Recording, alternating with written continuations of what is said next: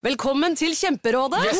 Denne gangen har vi fått inn et kjempedilemma fra en familie. Okay. Jeg leser Hei, vi er litt uenige i familien her. Mm. Hvis du skulle vært et dyr, ville du hatt gjeller eller vinger? Oi, den er tricky. Ja, hva ville dere hatt da? Altså, jeg vet ikke, men Med familierabatt får de ubegrenset data fra Telenor fra 399 kroner. Da kan de jo scrolle seg til svaret, rett og slett. Ja, ok, Men for min del Ja. gjeller. Nei, nei, Gjelder. nei, vinger. Nei, nei, gjeller. Ja, okay, ja, kjempebra. Men eh, se nye mobilabonnement på telenor.no, da.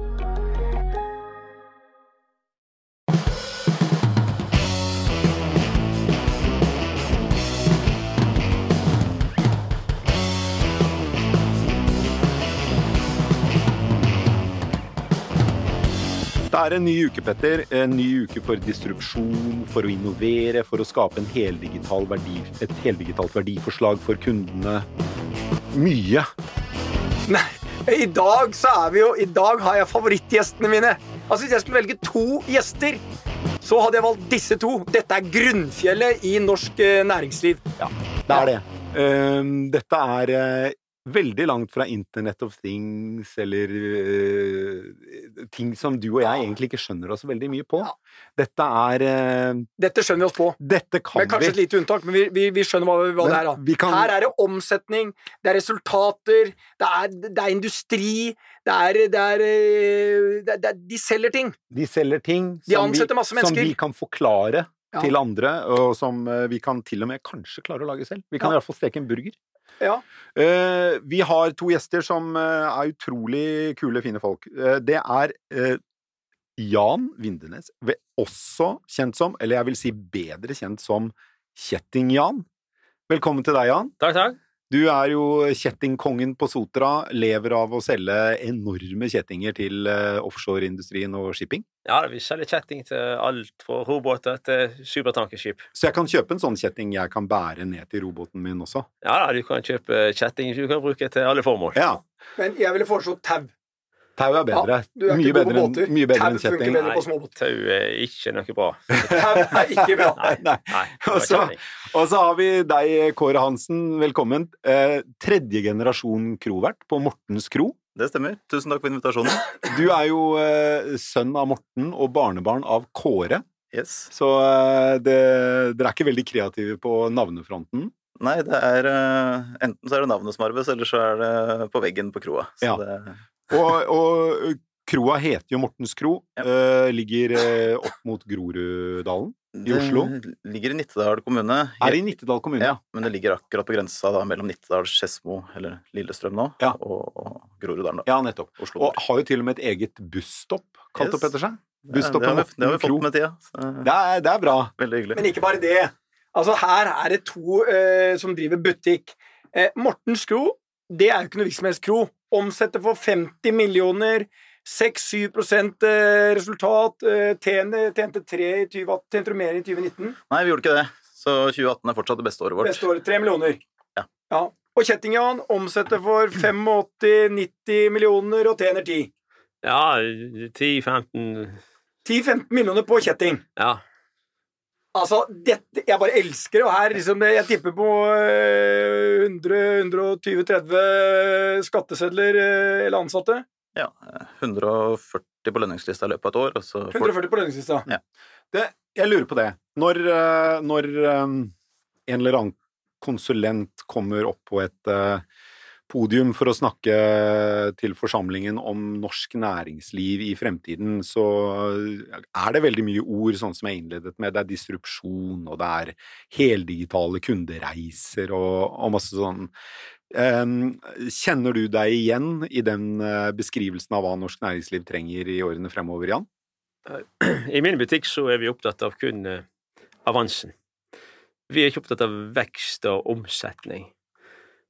Vi er opptatt av hvor mye tjener vi på en handel. Hva er profitten? Ja, hva er profitten? Det er profitten vi lever av. Omsetning det er bare tall for show-off. det. Vi kunne hatt to, tre, fire ganger så mye omsetning hvis vi gadd. Hvis du- Men det er ikke interessant. Vi gidder ikke. Mm. Vi, er, vi vil tjene penger. Ok. Du, du, du, nå, ble, nå ble Per helt satt ut her. For en, endelig kommer en som sier at det er, det er sånn vi driver butikk. Ja. Jeg elsker jo det jeg hører her sånn. Men hvor, altså, eh, hvor, hvor, stor er konkurransen i kjettingbransjen? Beinhard. Er den beinhard? Ja. Det er, Men hvordan kan du da tjene 10-15 eh, og den er beinhard? Altså, på Morten Skro skjønner jeg det er 6 7 margin I, på det beste året noensinne. på det beste året noensinne. Ja. Så der, han har det tøft. Du er jo i eh, en soloppgangsnæring Nei. som jeg trodde var ho- hotell Nei, vi har beintøff konkurranse. Vi har massevis av konkurrenter, både i Norge og utlandet. Uh, mange av de sliter, eh, mange driver med tap, noen forsvinner eh, hvert år, og så dukker det opp nye. Så det er en tøff bransje, det er tøft, å, men vi er flinke. Noen Hvordan- kommer, noen går, men Jans kjetting består. Hvordan, hvordan kom du inn i kjettingbransjen, Jan? Eh, Litt tilfeldig. Jeg begynte, altså Min far hadde jo startet en, en bedrift som heter Sotra Kontrakting i 1980. Og var skraphandler og et lite verksted. Og så begynte jeg der, og så begynte vi å kjøpe og selge litt uh, ting, og så fant vi ut at kjetting det hørtes gøy ut. Så uh, let's, let's roll. Det var ikke noen større tanke? det Nei, var nei, ikke businessplan? jeg prøvde litt sånn. Altså, businessplan? kjetting, det, det, det, det, det glei liksom så lett, altså. Er det lett å lage kjetting? Jeg aner ikke. Du vet ikke. Jeg selger den, jeg, vet du. Du selger den. Nei, vi produserer ikke. Hvor kjøper dere kjettingen fra? vi kjøper mye i Kina, men i Brasil og Spania og Tyskland og Sverige. Og, og, så, så driver vi brukt. Og, og, og det er jo på det brukte du kan gjøre penger. Er det det? Så Ja. på salg av ny kjetting er det ikke noe særlig penger å tjene? Ja, du kan tjene penger der, men da skal du være veldig heldig. For at, eh, da er det jo alltid et kappløp mot bunnen. Alle kjøper hos de samme fabrikkene, de har den samme prisen, for de har selvfølgelig synkronisert eh, til alle produksjonen sin til at den er mest mulig effektiv. Og eh, når alle kjøper til samme, til samme pris, så er det jo den som får den laveste prisen ut, han vinner oppdraget. og Det er jo en kappløp mot bunnen, og det er ikke så veldig interessant. Men så er det sånn at vi satser av og til på litt eh, Vi kjøper brukt og resertifiserer og sånt, og så satser vi på å ha et stort lager av ukurante ting som ingen har.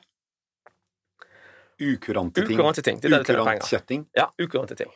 Hva er en ukurant kjetting? Ja, altså Ukurante ting, det er kanskje ting som vi kjøper opp som ingen andre ser at noen gang skal bli brukt. Så du får til skrappris. Ja, da får vi det billig, og så må du vente 5-10-15-20 år, og så kommer det en kunde. Så har du god lagerplass, da. Ja, ja, vi har lager Sotra det holder på å sånn Det skli ned i havet. Sant? Det, det, det holder på å søkke. Altså, det er Ja. tusener av tonn med kjetting på Sotra. Ja, ikke bare på Sotra. Vi har lager i Kina og i Nederland og i, i, i Hvor mye kjetting har du på lager? Nei, ja, vi, vi telte for mange år siden. Det kom sånn 20 000-30 000 tonn, men det er mange år siden. Jeg aner ikke. I verdi? Nei, ca. 100 millioner er bokført. 100 millioner kjetting. Ja. For du eh, skulle betale formuesskatten din, og så dumpa du 25 tonn kjetting. Utenfor kemneren. Ja, Men tok de den kjettingen? Nei, vi lot den ligge der en stund til modning, men, eh, men eh, de nekta å ta imot. da. Ja, Men mye var de kjettingene verdt, da? Eh, det spørs om du skal kjøpe eller selge det. Ja. Åh! Men i, Tilbake til avanse. fra, fra, fra kjetting til eh, burgere, bokstavelig talt. Eh, på Mortensko, du, du tok over til far din. Yes. Jobba du sammen med han lenge? Ja, gjorde det. Altså, Hvordan syns du det var? nei, nå var ikke pappa der hele tiden, så jeg begynte i oppvaska da jeg var 13 år, og da var det andre folk som drev. Altså, vi hadde ansatt daglig ledere. Så det har ikke vært sånn at eh, familien har vært i sjefsstolen hele tiden. Så jeg har gått gradene der fra oppvaska til å begynne å kjøre litt eh, catering da jeg var 18, stått på kjøkkenet. Nå tilbake i koronaen nå, så var det tilbake i oppvaska, og det var egentlig ganske ålreit. Hvor, hvor mye falt omsetningen under koronaen? Altså fra 12. mars til 13. mars så var det jo bare å skru av krana. Da var, det, da var det fra 130 000 til 400 kroner dagen etter. Vi, Brutalt. ja, vi eh, permitterte 34 ansatte 13. mars. Og beholdt 14 stykker helt eller delvis på huset. Har hatt kjøkkenet åpent hele tiden. Men eh, stengte døra og permitterte da for første gang på 50 år eh, våre ansatte. Vi har jo en veldig god kultur, altså fra topp til bånn altså i alle funksjoner. Det er flinke folk, og de tre som har jobba lengst på kjøkkenet, har jobba hos oss i over 60 år til sammen. Wow. Tre stykker. Så det blir Altså, familien for meg er også litt alle som jobber der, som jeg er der sammen med hver dag. Og Hvordan var det, Det var- å permittere deg? helt jævlig. Eh, og det å sitte og skulle velge og prøve å finne ut hvor mange må vi ta. Eh, må vi ta alle? Skal vi stenge helt? Skal vi opp helt? Eh, som sagt, ingen før meg hadde noen gang stengt døra. Vi har stengt én uke i romjula. Vi stenger lille julaften og åpner igjen 2. januar. Det gjør vi hvert år. Når ble Mortens Kro åpnet? eh, Mortens kro ble satt på eh, Altså skiltet ble satt opp i 65, men det har vært skysstasjon og veikro der siden 20-tallet. Ja. Så Og aldri vært stengt før nå? aldri vært stengt, i hvert fall ikke på de 50 åra jeg har eh, track record på. Eh, Men kommer du gjennom nå? Ja, det skal vi. Vi, Ja. vi skal komme oss gjennom. Vi, eh, Eier dere bygget sjøl? Så det det, hjelper. det hjelper veldig godt. Vi, eh, Ikke mye gjeld? Ikke veldig mye gjeld. Vi har benytta oss av lånegarantiordningen for å være sikre. Vi har Bra. så å si brukt opp den likviditetsbeholdningen vi hadde ved inngangen av året. Ja. Uh, holdt jo da folk i gang i mars-april, sånn at når ting begynte å slippe litt opp igjen, så kunne vi være der med en gang. Uh, Åpna uteserveringa i påsken, og så har vi kommet tilbake til mer og mer normal drift nå. Ser, så vi kommer på 50% omsetninga i mai. Ja, men det er bra. Ja, vi er, altså det var veldig mye bedre enn hva jeg trodde å tørre å hoppe på i mars. Og så får vi bare håpe at vi får en eh, bra sommer og Ja. Sommeren har jo begynt veldig bra nå. Mortens Kro, jeg har aldri vært der, men eh, jeg hører at det er et mm, samlingspunkt for de som bor i området. At det er veldig mange som har liksom Morten Kro som en del av sitt sosiale liv. Ja, det er også en grunn til at vi ikke vil eh, stenge dørene. Det er vi har veldig mange stamgjester som møtes der, og som har, ja, som du sier, et samlingspunkt der. Og det var jo mange av de som også kom innom oss og henta takeaway-mat, satt utafor og spiste i eh, mars-april. Eh, ja, det mange gode kunder eh, og mange flinke ansatte som som gjør det til et unikt sted, altså. Og, det, og så er det dette med Altså, vi serverer Det er liksom litt sånn skryt til de som har vært foran meg. Vi, vi har aldri tatt inn frosne grønnsaker. Vi har aldri begynt å prøve å selge pizza eller kebab eller den biten. Det er det man har sett rundt omkring nå. Kjøttkaker selger du fortsatt. Kjøttkaker er alltid på menyen. Og flesk og duppe og Og flesk og duppe også? Ja, ja, ja. Wow! Og altså norsk tradisjonsmat. eh, gjerne lokale råvarer. Vi kjøper råvarene våre fra gårder rett rundt oss i Nittedal og Skedsmo. Jeg driver gård sjøl og har tanker om å få produksjonen der, sånn at vi kan virkelig stå inne for det vi serverer. Og levere Fantastisk. til eh, kroa Ja, ja. med egenprodusert mat. Jeg produserer maten, og så har vi fantastiske kokker som lager mat av det. Da kan vi se kundene våre i øya. Vi veit alt om det vi serverer. Og det tror jeg er spesielt nå under koronaen, da. Hvor eh, vi ser liksom det at det er forsyningslinjer, eh, det at for oss som driver altså i restaurantbransjen, det er ikke veldig mange eh, vognmenn igjen. Det er ikke veldig mange som kan distribuere varene. Vi har et par store, og hvis de, hvis de blir borte, eller hvis de får sykdom, hvordan skal vi få varer rundt i landet vårt da? Til oss så kommer han lokale bonden sjøl, med ferdig slakta gris. Og så tar vi det derfra og lager svinekoteletter, eller hva det skulle være. Det, det, det, dette er helt fantastisk. Men det, er eh, det, er jo, det handler om innovasjon, være annerledes, gjøre nye ting. Jan, du hadde jo eh, Var det du som fant opp rustfri kjetting? Eller hvordan var det? Nei. Du, her kan du bare skryte på. Ja. Nei da. Uh, rustfri kjetting har nå eh, Kan man lage av rustfritt stål? Akkurat, Og da ruster den aldri. Ja, da ruster den ikke. Hvis du lager rustfri, ja, rustfri stål, så ruster ikke kjettingen. Men jeg har et spørsmål til deg. Jeg hadde en far som var veldig opptatt av, eh, av å samle ting. Eh, og du vet sånne som holder eh, Når man tømmerfløter, så har du en slags sånn derre eh, jernsak som binder tømmeret sammen. En eh, rund så- sånn bua sak. Produserer dere sånne ting òg, eller er det bare kjetting? Nei, vi driver med kjetting og det som naturlig hører inn under fortøyning. Ja. Anker og sjakler og Så ja. når, når når jeg hører dere begge beskrive de virksomhetene dere leder, så høres det jo ut som dere er, dere er veldig involvert i alle deler av virksomheten, og dere skjønner dere på, bortsett fra at du vet ikke hvordan man lager en kjetting, Jan, men, men du, du vet mye om hvordan man selger kjetting, og, og liksom hva kundene etterspør. Eh, og hva dere har på lager, åpenbart, i og med at dere har mye eh, ulike typer kjetting på lager. Ja, vi har jo god kompetanse på eh, altså, om kjetting og, og kvaliteter og stålkvaliteter og, og fortøyningsanalyser og sånt. Vi har god kompetanse på huset, men vi driver ikke sjøl og lager kjetting. Jeg vet jo hvordan vi lager kjetting, jeg har vært på masse fabrikker og, og involvert involvert i, i, i å se på produksjon og sånn, men, men det er jo ikke det, det overlater vi til andre. Hva men, men hva mener, du, hva mener du er det viktigste du gjør for å sørge for at det er eh, god butikk i det dere driver med? det viktigste er å ha ved til å tjene penger. Å ha ved til å ta betalt når du har anledning. Eh, I nesten alle bransjer så forteller de som driver butikker at de oss er det så trangt, i oss er det så tøff konkurranse. I oss er det prispress. Vi kan ikke ta høyere pris fordi at det, det mister vi kunder. Og det er sant i alle bransjer, det er sant i vår bransje òg. Men så har du sånn 5% av ordrene du får, eller, som det kommer muligheter for å ta betalt. Da må man ha ved til å betale betalt. Så det er vite når du skal skru opp prisen litt Jeg vet for å tid man skal ha strategiske justeringer av prisen. Nå skjønner jeg det. Men nå skjønner jeg det store varelageret han kjøper for ingenting. Så ligger han bare og venter som gjedda i sivet. Så kommer en som skal ha akkurat den kjettingen. Ja. Og den eneste jævelen i hele kjettingverden som har den kjettingen, det er Kjetting-Jan. Den ligger i Kina på lager. Og da er den ikke billig. Da er den dyr! dyr. Det er sånn den, da, da, er det ikke, da er ikke mange som kan levere den kjettingen. Det er bare én. Men de, Det det er kunsten. Man må vite når man er alene, og du kommer til å godt betalt. de, de fleste er jo veldig opptatt av varelager og holde det nede. Men det høres ut som du vil gjerne ha et ganske stort varelager, du. Ja, vi vil jo selvfølgelig ha minst mulig varelager med størst mulig inntjening på, men, men det er å ta risiko som gir at vi kan tjene penger. Mm. Så vi må ta risiko for å komme i de posisjonene at vi kan øh, levere. Vi, vi, vi skipper akkurat ut eh, noe kjetting til, til en stor kunde, Stor Ulv. Um, og de kjettingene vi kjøpte der Altså, det var noen kjettinger vi kjøpte i fjor av en konkurrent som sleit litt, og måtte kvitte seg med varelaget. Så kjøpte vi eh, kjettingen deres.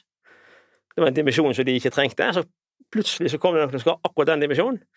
Og, og det gjorde jo da at vi kunne selge, vi, vi kunne selge hele pakken. For vi sa jo det at vi selger, vi selger ikke bare den, vi selger alt eller ingenting.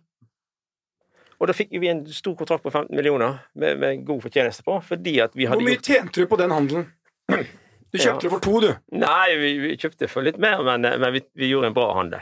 Det, jeg syns det er spennende nå med altså, det sånn som vi lærte på skolen, da, just in time. Minst mulig lager, minst mulig kostnader. Ja. Nå ser vi koronaen liksom hvor sårbare vi blir eh, når vi skal tenke sånn på alt. Altså, vi tenker sånn til og med på medisiner nå på sykehusene. Og for oss, Vi har reist til eh, Finnmark og kjøpt reinsdyr. eh, Ja, vi fylte i hvert fall opp hele frysa vår og litt til med reinsdyr når vi, jeg og fatter'n hadde vært til Finnmark en tur. Um, hadde reinsdyr som vi hadde på menyen da i uh, tre måneder. Da ble kunden, ja, kunde ble litt lei etter hvert, men uh, vi, skulle, vi skulle ha et reinsdyr, jeg hadde gjort en bra deal, ikke sant. Men det å tørre å ha litt lager sjøl og begynne å bygge opp kapasitet Jeg er bonde også, vi har ikke kornlager i Norge lenger. Det fins nesten ikke korntørker hvor bøndene sjøl har korn på, på tørka, sånn som vi alltid hadde før på vinteren.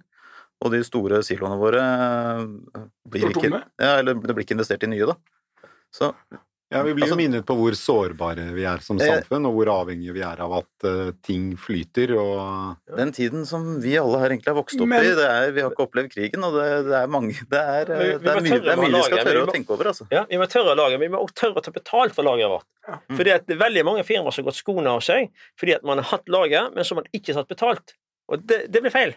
Altså, man, det, eh, hvis du- skal du ha en kjetting til neste år, så er det veldig mange som kan hjelpe deg. Og det er veldig lite interessant altså, å få noe ut, Du får ikke ut noe masse penger av det, for det, er så mange tilbydere. Men skal du ha den i morgen, i dag, så er det vel få som kan hjelpe deg. Mm. Og, og, og da er det plutselig anledning til å tjene penger, og, og det er en kostnad for meg å ha laget. Og det er en gevinst for deg at hvis du trenger den, at du kan få den hos meg, og den, jeg skal ha litt av den gevinsten. Og det kalles en høyere pris enn vanlig. Men, men Og Jan, det, det er realt, altså. Det er helt, det er helt realt. Jan, jeg har ett spørsmål. Eh, jeg trodde kjetting var litt sånn commodity, sånn der hyllevare.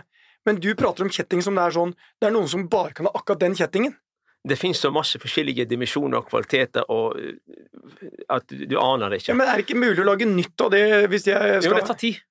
ja, men Det tar ikke så jævla lang tid å lage en kjetting. Ja, det kan ta øh, to, tre, fire, fem, seks måneder. Og hvis du trenger den i neste uke, så, øh, så sliter du. Ja, men hvorfor? Man, men du er ikke sånn at du plutselig våkner med bare at nå trenger jeg kjetting. Hvis kjettingen sier pang, og så møsser båten kjettingen. Da trenger du kjetting. Da Ja, men du Da trenger du ikke noe helt ny kjetting, du trenger bare den ene som ryker. Mm, Ja, kanskje ikke. Kanskje den ligger på 2000 meter dypt. Å, det er selvfølgelig sånn, ja. Du, eh, eh, Jeg har bare ett spørsmål til eh, Kåre, som er sjef i Mortens Kro. Eh, har du aldri vurdert å, ekspandere Mortens Kro til å lage liksom Mortens Kro avdeling. Bygdøy? Vi har fått eh, spørsmål om det, og vi har tenkt tanken. Eh, og så kan jeg si det som vi har ikke konkludert ennå. Eh, det, er- det er spennende, eh, men det er også noe med den lokasjonen og det miljøet og de kundene og altså det som gjør oss til oss. Det er jeg litt redd for at vi klarer å gjens, altså om vi klarer å gjenskape det et annet sted. Vi har jo også catering og selskapsavdeling. Eh, Vi har prøvd oss på liksom noen selskapslokasjoner utenfor huset. Vi ser at eh, vi, er ikke noe, vi er ikke like gode på det. Nei. Eh, Så det er noe med å vite hva man er god på, og vite hva som eh, gjør at man har den suksessen man har. Være tro mot det, samtidig som at man skal tørre å fornye seg, selvfølgelig, og henge med i tida. Men mm, den balansen der, den er, den er i stadig diskusjon Hva vil du si at dere er skikkelig gode på i Mortens Kro? kjøttkaker. Kjøttkaker? Og det å si hei og velkommen, at du skal føle deg velkommen uansett hvem du er, hvordan du kommer kledd, så er det et bord til deg. Og du får maten din på sjelden mer enn ti minutter. Og det skal være god, norsk, hjemmelagd mat, helst fra en gård du har kjørt forbi på veien. Jeg skal på Mortens Kro. Jeg skal også innom Mortens Kro. Men jeg er mer usikker på om jeg kommer til å kjøpe noe kjetting fra Jan. Ja. Du, eh, Jan, du har et eh, litt eh, Eller du liker ikke inkasso så veldig godt. Eh, Det er noen som liker inkasso. Bare, bare bare sånn. Hvem er det som liker inkasso? Vi nevner i fleng. jeg liker ikke inkasso. Jeg liker ikke inkasso. Men mm, samtidig så vet jeg jo at inkasso er en helt nødvendig del av det å drive business. Uh, av og til så betaler ikke folk regningene sine, og da må du til slutt ty til et Ja. Vi må og- ha ris bak speilet og kunne bruke inkasso og tvangsmidler når vi trenger det. Ja. Men man skal ikke bruke det i utide. Og det er jo blitt sånn eh, i samfunnet i dag at eh, man får inkassovarsel nesten med den første fakturaen. Altså for faktura så går det ti dager, så kommer det inkassovarsel. Mm. Og det er eh, Det er ufint. Og du fikk en sånn en. Ja, jeg har fått en del sånne, og vi har avsluttet en del sånn leverandørforhold pga. inkassovarsel. Da sier vi at dette gidder ikke vi være med på. Vi finner oss rett og slett ikke i å bli behandla på den måten der. Vi er ærlige folk. Vi betaler alle regningene våre. Vi eh, vil ikke behandle våre kunder på den måten. Vi har jo kunder over hele Vera og langs hele kysten. Vi opplever ikke at det er et enormt problem at kundene ikke betaler regningene sine. Ja, det hender jo at noen er sein, og da må de få en purring. Og det hender jo at vi må true med inkasso og bruke inkasso, og det hender til og med at vi må bruke namsmannen. Men det må skje i en sånn tempo og med, altså, på en sånn måte at kunden ikke føler seg mishandla, og jeg har lyst til å bruke dere nå, så jeg vet ikke om det er bra i studio, altså. Rævkjørt! Ja. Det, det, det, det er ikke en god tone. Mm. Så, så man man skal Jeg er litt av den gamle skolen. Man skal ha 30 dager på, for turen, og, og så skal man få en hyggelig påminnelse, og så en, en litt strengere tone. Og så, og så eh, kan man ta en telefon at 'nå har du ikke betalt', og så får man ofte en forklaring.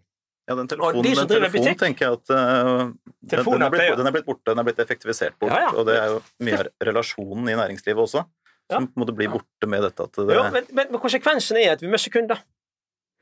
Vi mister kunder med å behandle de dårlig. Og inkasso, selv om du har outsourcet dette her eller brukt sånn faktoringavtale eh, Kunden er jo ikke dummere at han skjønner jo det at det, det, er jo, det er jo din latskap som har sørget for at det sitter et faktoringselskap og nå revkjører de.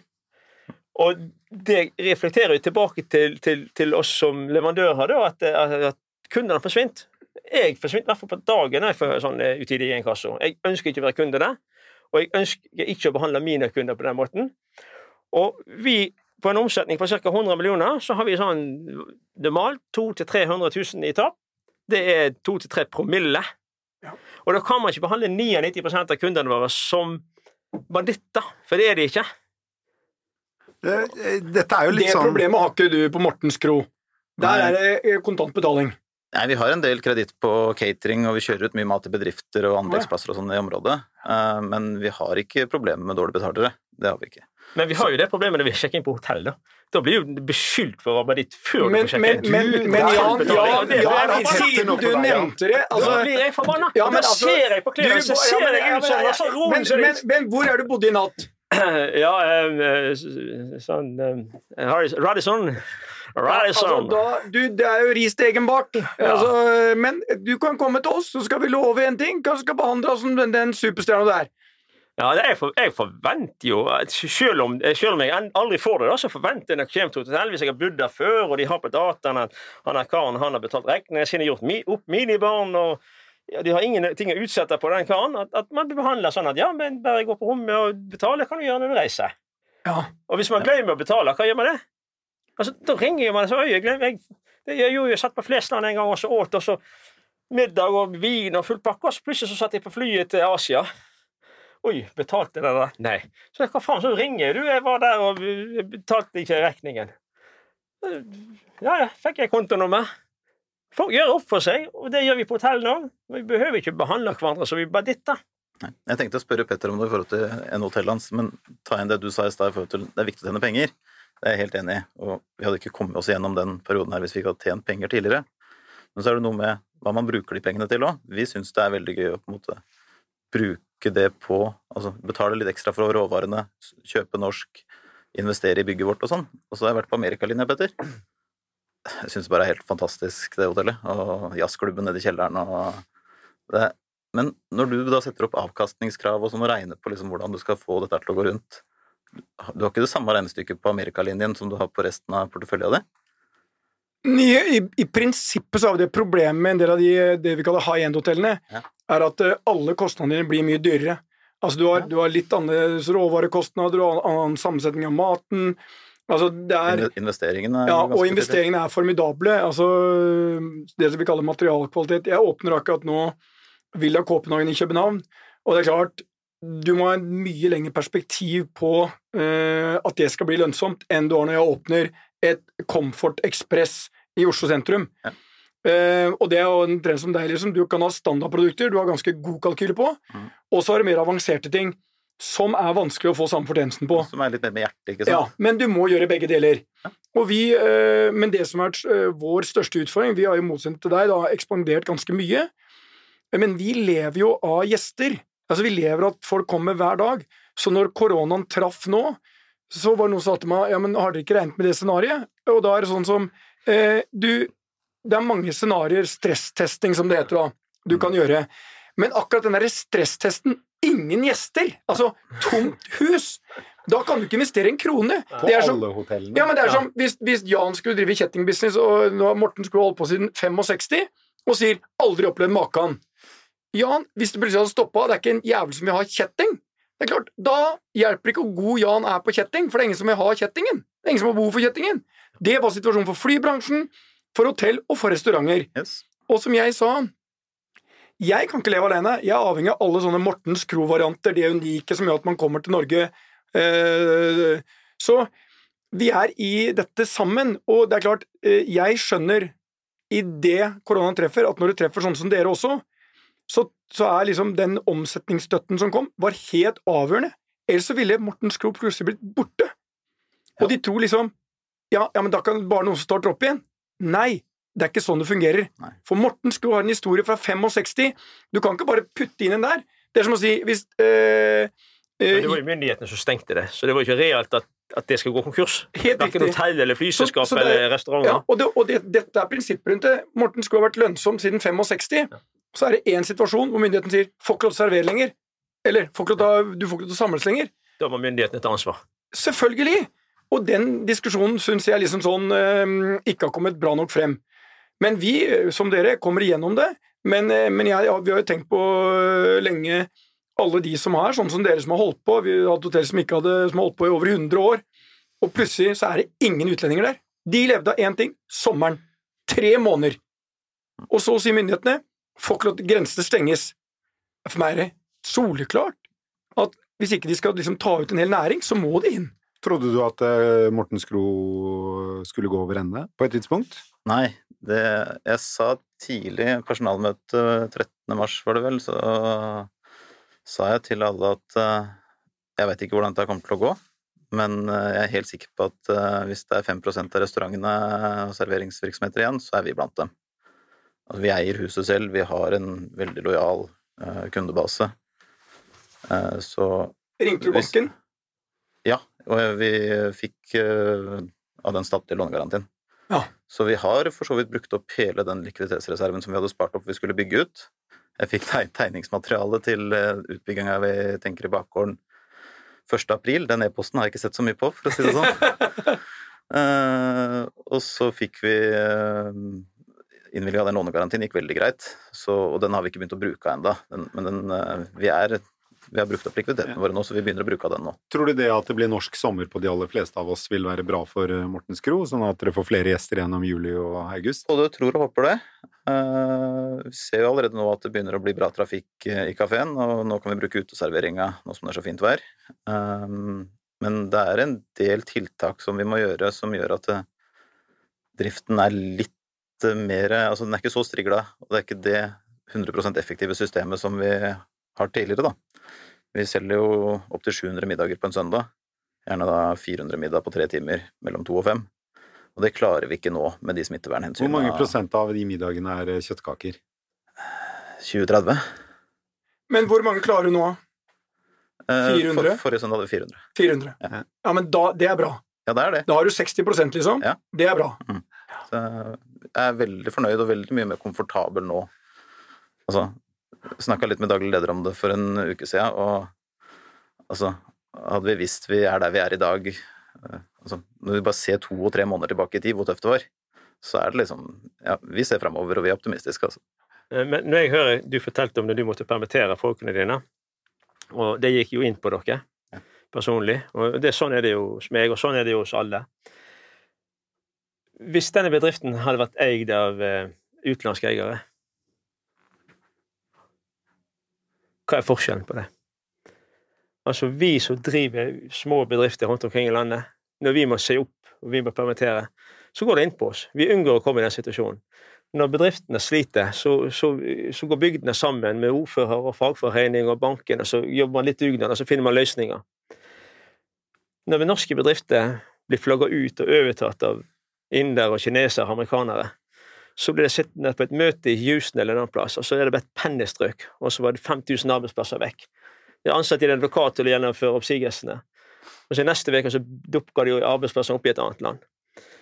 Altså, ja, Nå kjente jeg at håret reiste her. Dette Ja. var akkurat sånn. Dette landet er faktisk ikke bygd av eh, utenlandske selskaper hvor eh, norske virksomheter blir filialforetak, og de blir bare en del av et regneark. Ja, og det må vi unngå. Og Derfor syns jeg det er så veldig viktig at vi gjør tiltak for å sørge for at vi har norske eiere. Vi må ha norske kapitalister. Vi må ha òg norske arbeidsfolk på norske arbeidsplasser. Eh, Og det er et, det er et samspill. Vi som sitter i sjefsrollen, vi må sørge for at altså Jeg kunne jo fått billig arbeidskraft, noen busslaster med rumenere, sånn som veldig mange andre, men men jeg vil ikke ha det. Skal du jobbe hos meg, så må du bo på Sotra. Punktum. Dette er jo eh, Men, men, men jeg tror at man skal tenke andre veien òg. At vi trenger òg sånne som oss, norske eh, eiere, norske sjefer. For vi er langsiktige, og vi bygger arbeidsplasser i lokalmiljøet. Og Derfor er det veldig viktig at norske politikere er bevisst nå og tar vekk formuesskatten. Ja, det er, men, men, en, ting- en, med mindre man kan betale i kjetting, da. Men, men, men Ja. en, en ting du sier, Jan, som jeg tror er helt sentralt, det er også denne Tore, lokale sparebanker, lokale Altså, at vi har norsk eierskap til en hel del banker, tror jeg er viktig.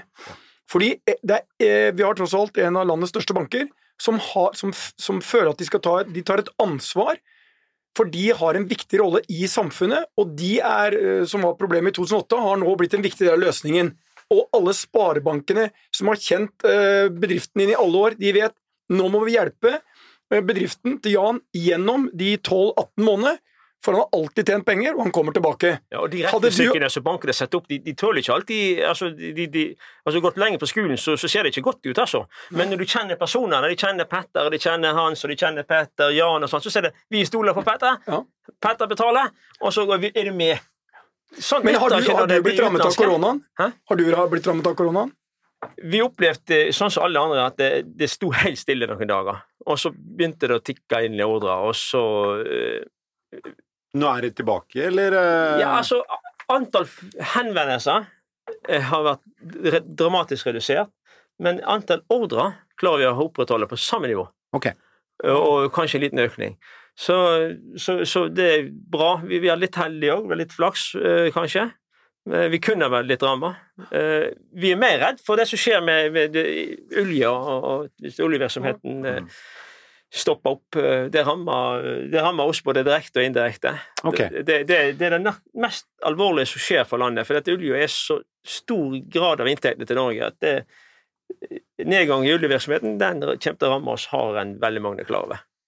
Jeg, tror I Oslo så skjønner de ikke hvor viktig det er. Nei, Der øh, sitter de på kafé og tror at penger det er noe som de bevilger fra Stortinget. Det, det regner fra Gud, eller at det er politikere som deler det ut og trykker det. tilhører du den gruppen mennesker som mener at det ikke skapes verdier i Oslo? Det skapes i hvert fall betydelig mindre verdier i Oslo enn hva Oslo-folk tror. Jeg hadde ant om at du mente det, Jan. ok, dere, vi må snart eh, runde av. Det har vært det er utrolig interessant å ha dere i studio, og det, det føles jo litt som Det er jo nesten litt sånn retro på en måte. Altså det med eh, ha bedre kontroll på, på logistikken og eh, kortreist mat, og til og med fra egen gård, eller, eh, eller du med liksom skepsis til inkasso Det er ikke retro å tjene penger og drive Nei. bedrifter som de leverer fysiske ting og Nei, det er ikke det. retro, det. Nei, det er ikke det. Men, men det med, med um, mer kontroll på hele verdikjeden uh, er jo litt eh, er jo noe vi eh, ikke har sett på mange tiår. Det har jo snarere vært mindre kontroll på hver enkelt del av det, og så stoler vi mer og mer på et system som blir mer og mer globalisert. Jeg tror at veldig mange eh, ledere bør stille seg spørsmålet ønsker du å lede en liten bedrift som tjener penger, eller en stor bedrift som taper penger. Det Det spørsmålet at har jeg stilt meg selv mange ganger, og jeg syns det er komfortabelt å ha en liten bedrift som tjener penger. Jeg Ja. tror det også vil skape mye mer stabilt samfunn på det over tid. Hvor vi på en måte får mange små lokale beslutningstakere istedenfor disse store kjedene som nå har veldig mye makt i samfunnet vårt. Ja. Jeg, eh, jeg håper jo virkelig at den eh, globaliseringen og avstanden til alle deler av verdikjeden fortsetter. Jeg mener at i all hovedsak det har vært til det klart beste for vårt samfunn. Men selvfølgelig det å liksom, yte litt ekstra for kundene og ha godt forhold til kundene er jo superviktig. Å kjenne dem. Så jeg er kanskje ikke helt så nasjonalt begeistra eh, som jeg opplever at dere tre andre i rommet er. Nei, men jeg, jeg, jeg er ikke bare nasjonalt begeistra. Jeg mener jo at eh, et enda eh, nærere samarbeid mellom de nordiske landene, et tettere samarbeid der, eh, på alle mulige områder, vil være til gagn for, for alle de landene.